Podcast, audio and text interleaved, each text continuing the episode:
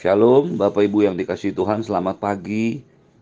Mari kita kembali merenungkan firman Tuhan pagi hari ini yang diambil dari Galatia pasal yang ketiga, ayat 15 sampai dengan 22. Galatia pasal yang ketiga, ayat 15 sampai dengan 22. Hukum Taurat atau janji. Saudara-saudara, baiklah ku pergunakan suatu contoh dari hidup sehari-hari. Suatu wasiat yang telah disahkan sekalipun ia dari manusia, tidak dapat dibatalkan atau ditambahi oleh seorang pun. Adapun kepada Abraham diucapkan segala janji itu dan kepada keturunannya. Tidak dikatakan kepada keturunan-keturunannya. Seolah-olah dimaksud banyak orang, tetapi hanya satu orang dan kepada keturunanmu yaitu Kristus. Maksudku ialah janji yang sebelumnya telah disahkan Allah tidak dapat dibatalkan oleh hukum Taurat yang baru terbit 430 tahun kemudian sehingga janji itu hilang kekuatannya. Sebab jikalau apa yang ditentukan Allah berasal dari hukum Taurat, ia tidak berasal dari janji, tapi justru oleh janjilah Allah telah menganugerahkan kasih karunia-Nya kepada Abraham. Kalau demikian, apakah maksudnya hukum Taurat? Ia ditambahkan oleh karena pelanggaran-pelanggaran sampai datang keturunan yang dimaksudkan oleh janji itu. Dan ia disampaikan dengan perantaraan malaikat-malaikat ke dalam tangan seorang perantara. Seorang perantara bukan hanya mewakili satu orang saja, sedangkan Allah adalah satu. Kalau demikian, bertentangankah hukum Taurat dengan janji-janji Allah? Sekali-kali tidak. Sebab andai kata hukum Taurat diberikan sebagai sesuatu yang dapat menghidupkan, maka memang kebenaran berasal dari hukum Taurat. Tetapi kitab suci telah mengurung segala sesuatu di bawah kekuasaan dosa. Supaya oleh karena iman dalam Kristus Yesus janji itu diberikan kepada mereka yang percaya.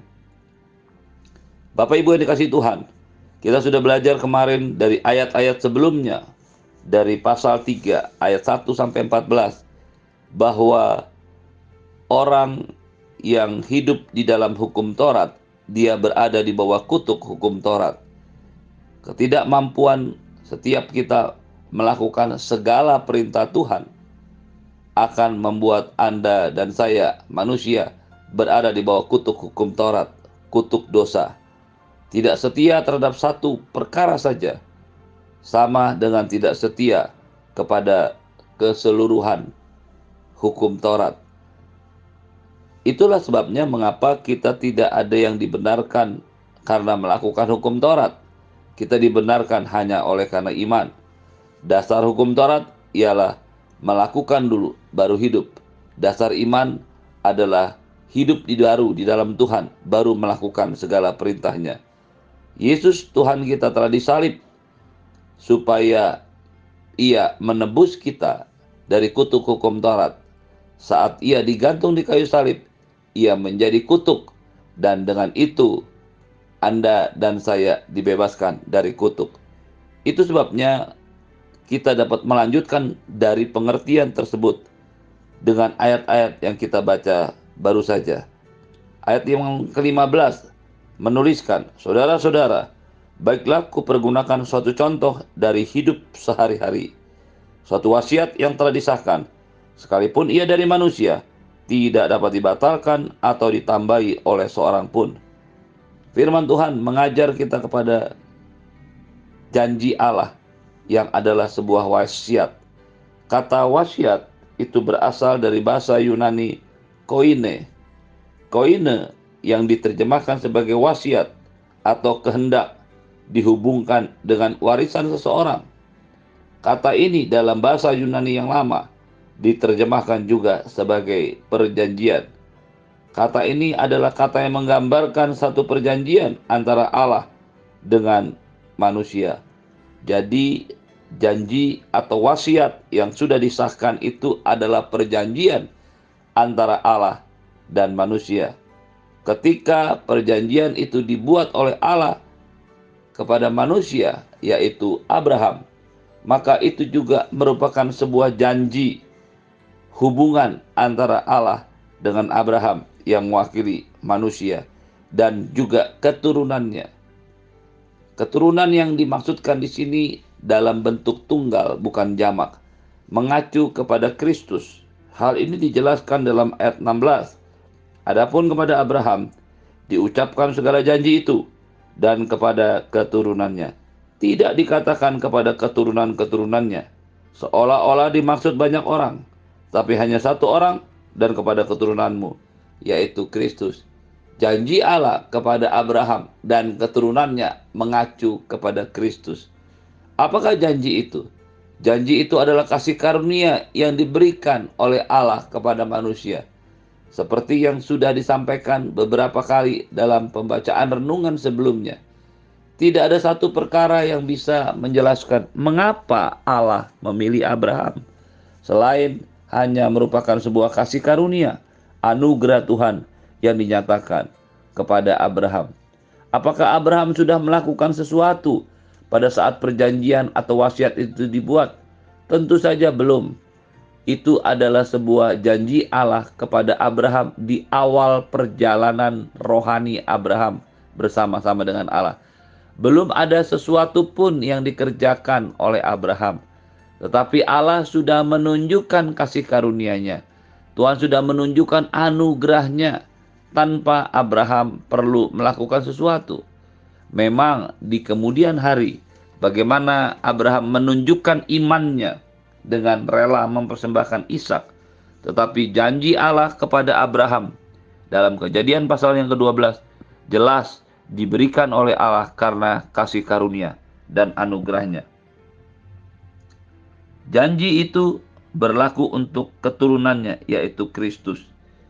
Ketika janji itu sudah disahkan ayat 17 tidak dapat dibatalkan oleh hukum Taurat yang baru terbit 430 tahun kemudian. Ketika janji Tuhan diberikan kepada Abraham, janji itu sudah berlaku dengan sah. Janji itu merupakan janji yang sudah tidak dapat dirubah, dikurangi, atau ditambahkan. Bahkan oleh kehadiran hukum Taurat 430 tahun kemudian. Ini merupakan sebuah kebenaran yang dibawa oleh penulis surat Galatia yaitu Paulus kepada jemaat jemaat yang ada di provinsi Galatia dengan tujuan menguatkan mereka akan kebenaran firman Tuhan tentang janji dan wasiat Allah. Mungkin saja pada waktu itu ada beberapa kaum Yudaism, orang-orang Yahudi yang mau terus masuk dalam kehidupan orang percaya untuk menanamkan pentingnya, keharusan, wajibnya selalu memelihara hukum Taurat. Hal ini juga merupakan sebuah penggambaran kebenaran yang sangat luar biasa bahwa memang hidup kita, hidup manusia di hadapan Allah haruslah berdasarkan kasih karunia dan perjanjian Allah dan bukan karena melakukan hukum Taurat. Sebab jikalau apa yang ditentukan Allah berasal dari hukum Taurat, ia tidak berasal dari janji. Justru oleh janjilah Allah telah menganugerahkan kasih karunia-Nya kepada Abraham. Dengan jelas, keselamatan yang diberikan Allah kepada manusia sejatinya dari awalnya merupakan sebuah rangkaian kasih karunia anugerah Tuhan. Tidak ada satupun pekerjaan yang bisa Anda dan saya lakukan untuk kita diselamatkan untuk kita mengalami keselamatan di dalam Tuhan. Dimulai dari sejarah manusia yang pertama, Adam dan istrinya. Ketika mereka jatuh ke dalam dosa, maka usaha mereka untuk menutupi ketelanjangan mereka dengan daun pohon ara sekalipun tidak akan pernah menutupi ketelanjangan mereka. Ketelanjangan mereka hanya bisa ditutupi oleh pakaian yang terbuat dari kulit binatang, binatang yang dikorbankan Allah untuk menebus kesalahan Adam dan istrinya. Semuanya sekali lagi diawali oleh kasih karunia dan anugerah Tuhan. Kasih karunia dan anugerah Tuhan tidak muncul baru pada perjanjian baru. Kasih karunia dan anugerah Tuhan sudah ada, sudah dinyatakan oleh Tuhan sejak manusia pertama hidup di muka bumi ini. Ini merupakan sebuah gambaran betapa kuatnya janji atau wasiat yang Allah berikan kepada manusia. Hukum Taurat yang baru terbit 430 tahun kemudian tidak dapat membatalkan, tidak dapat mengurangi wewenang, otoritas, dan kekuatan dari janji Allah. Hukum Taurat ditambahkan dengan tujuan yang berbeda dengan janji Allah. Janji Allah adalah wasiat Allah. Janji Allah adalah sebuah komitmen pribadi Allah untuk masuk dan membawa manusia masuk ke dalam rencananya dan kepada kekekalannya. Dengan demikian, maka apa yang ditentukan oleh Allah dari hukum Taurat justru tidak mengurangi arti atau mengurangi kekuatan dari kasih karunia. Kalaupun demikian, apakah maksudnya hukum Taurat? Ia ditambahkan oleh karena pelanggaran-pelanggaran sampai datang keturunan yang dimaksud oleh janji itu. Dan ia disampaikan dengan perantaraan malaikat-malaikat ke dalam tangan seorang pengantara. Seorang pengantara bukan hanya mewakili satu orang saja, sedangkan Allah adalah satu. Apa yang dikemukakan oleh Paulus kepada jemaat-jemaat yang ada di kota Galatia menjadi sebuah perenungan yang sangat luar biasa bahwa hukum Taurat tidaklah membatalkan janji atau wasiat Allah yang merupakan kasih karunia-Nya. Hukum Taurat memang tidak untuk dipertentangkan dengan janji itu. Hukum Taurat dibuat karena banyaknya pelanggaran yang dilakukan oleh orang Israel. Ketika sebelumnya Tuhan menggunakan hukum hati nurani, ternyata itu tidak mampu menjagai manusia untuk hidup dalam perjanjian dengan Allah, untuk hidup beribadah dan tetap setia dengan Tuhan. Ketika hukum Taurat diberikan, itu terjadi karena manusia dengan segala dosanya yang semakin bertambah-tambah. Kehadiran keberadaan hukum Taurat tidak dimaksudkan untuk membawa mereka kepada Tuhan, tapi untuk menjaga dan men menjaga kelakuan dan kehidupan kita sebagai manusia yang hidup dalam perjanjian. Inilah yang kemungkinan salah dimengerti oleh orang-orang Yahudi. Mereka berpikir bahwa keselamatan hanya bisa didapatkan karena melakukan hukum Taurat.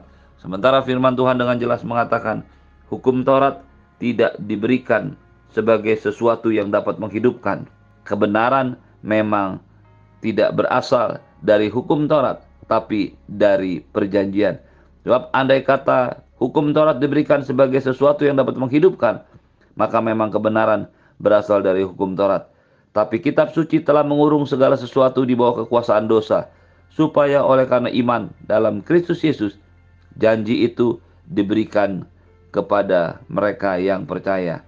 Dengan ini perbedaan antara perjanjian Allah, wasiat Allah, iman karena kasih karunia untuk datang kepada Tuhan sudahlah sangat jelas. Janji atau wasiat itu diberikan oleh Allah kepada Abraham dan keturunannya yaitu Kristus dan Kristuslah yang akan membawa janji itu kepada setiap orang yang percaya dan menerima dia sebagai Tuhan dan Juru Selamat pribadi. Andalah saya, kita yang percaya kepada Yesus, walaupun kita bukanlah orang Yahudi, adalah orang-orang yang memang menerima kasih karunia anugerah dan janji Allah serta wasiat dari Allah. Allah ingin mengasihi Anda dan saya. Allah mengasihi kita dan ingin membawa kita kembali kepada rencana semulanya Allah, yaitu Anda dan saya diciptakan serupa dan segambar dengan Allah. Ini adalah kasih karunia Allah. Tidak ada satupun yang bisa Anda dan saya kerjakan untuk mendapatkan ini. Tetapi ketika Anda dan saya sudah mendapatkan ini, maka Anda dan saya perlu menjaga eksistensi keberadaan kita sebagai orang-orang yang sudah menerima kasih karunia dengan hidup benar di hadapan Tuhan. Ketika kita menyadari ini, maka hukum Taurat yang memang diberikan karena pelanggaran-pelanggaran manusia, ia ditambahkan oleh karena pelanggaran-pelanggaran sampai datang kepada keturunan yang dimaksud oleh janji itu. Hukum Taurat diberikan Allah kepada manusia melalui perantara malaikat menyampaikan kepada Musa, Musa menyampaikan kepada umat atau manusia. Jadi Allah menyatakan diri kepada malaikat menyatakan kepada Musa dan baru kepada manusia. Ada banyak orang yang terlibat, ada banyak pihak yang terlibat di situ. Tetapi ketika janji Allah diberikan, itu adalah perjanjian Allah pribadi dengan manusia langsung. Ini memberikan sebuah gambaran bagaimana janji Allah, wasiat Allah itu menjadi sebuah kebenaran yang tidak dapat terbantahkan. Tujuan Allah memberikan hukum Taurat karena pelanggaran mereka. Hukum Taurat tidak bertentangan dengan janji-janji Allah, tetapi hukum Taurat mengurung orang dalam kekuatan dosa, supaya pada akhirnya kita diselamatkan hanya oleh karena iman, hanya oleh karena janji Allah, hanya oleh karena kasih karunia Allah. Ketika Anda dan saya memahami ini, maka kasih karunia anugerah Allah iman yang Tuhan berikan kepada Anda dan saya untuk percaya akan membawa hidup kita dalam kebenaran. Kita hidup karena kasih karunia dan kita akan terus hidup melakukan kebenaran. Terimalah berkat yang berlimpah dari Bapa di surga, cinta kasih dari Tuhan Yesus, penyertaan yang sempurna daripada Roh Kudus, menyertai hidupmu hari ini dan sampai selama-lamanya di dalam nama Tuhan Yesus. Semua yang percaya katakan amin. Shalom, selamat pagi, selamat beraktivitas. Tuhan Yesus memberkati.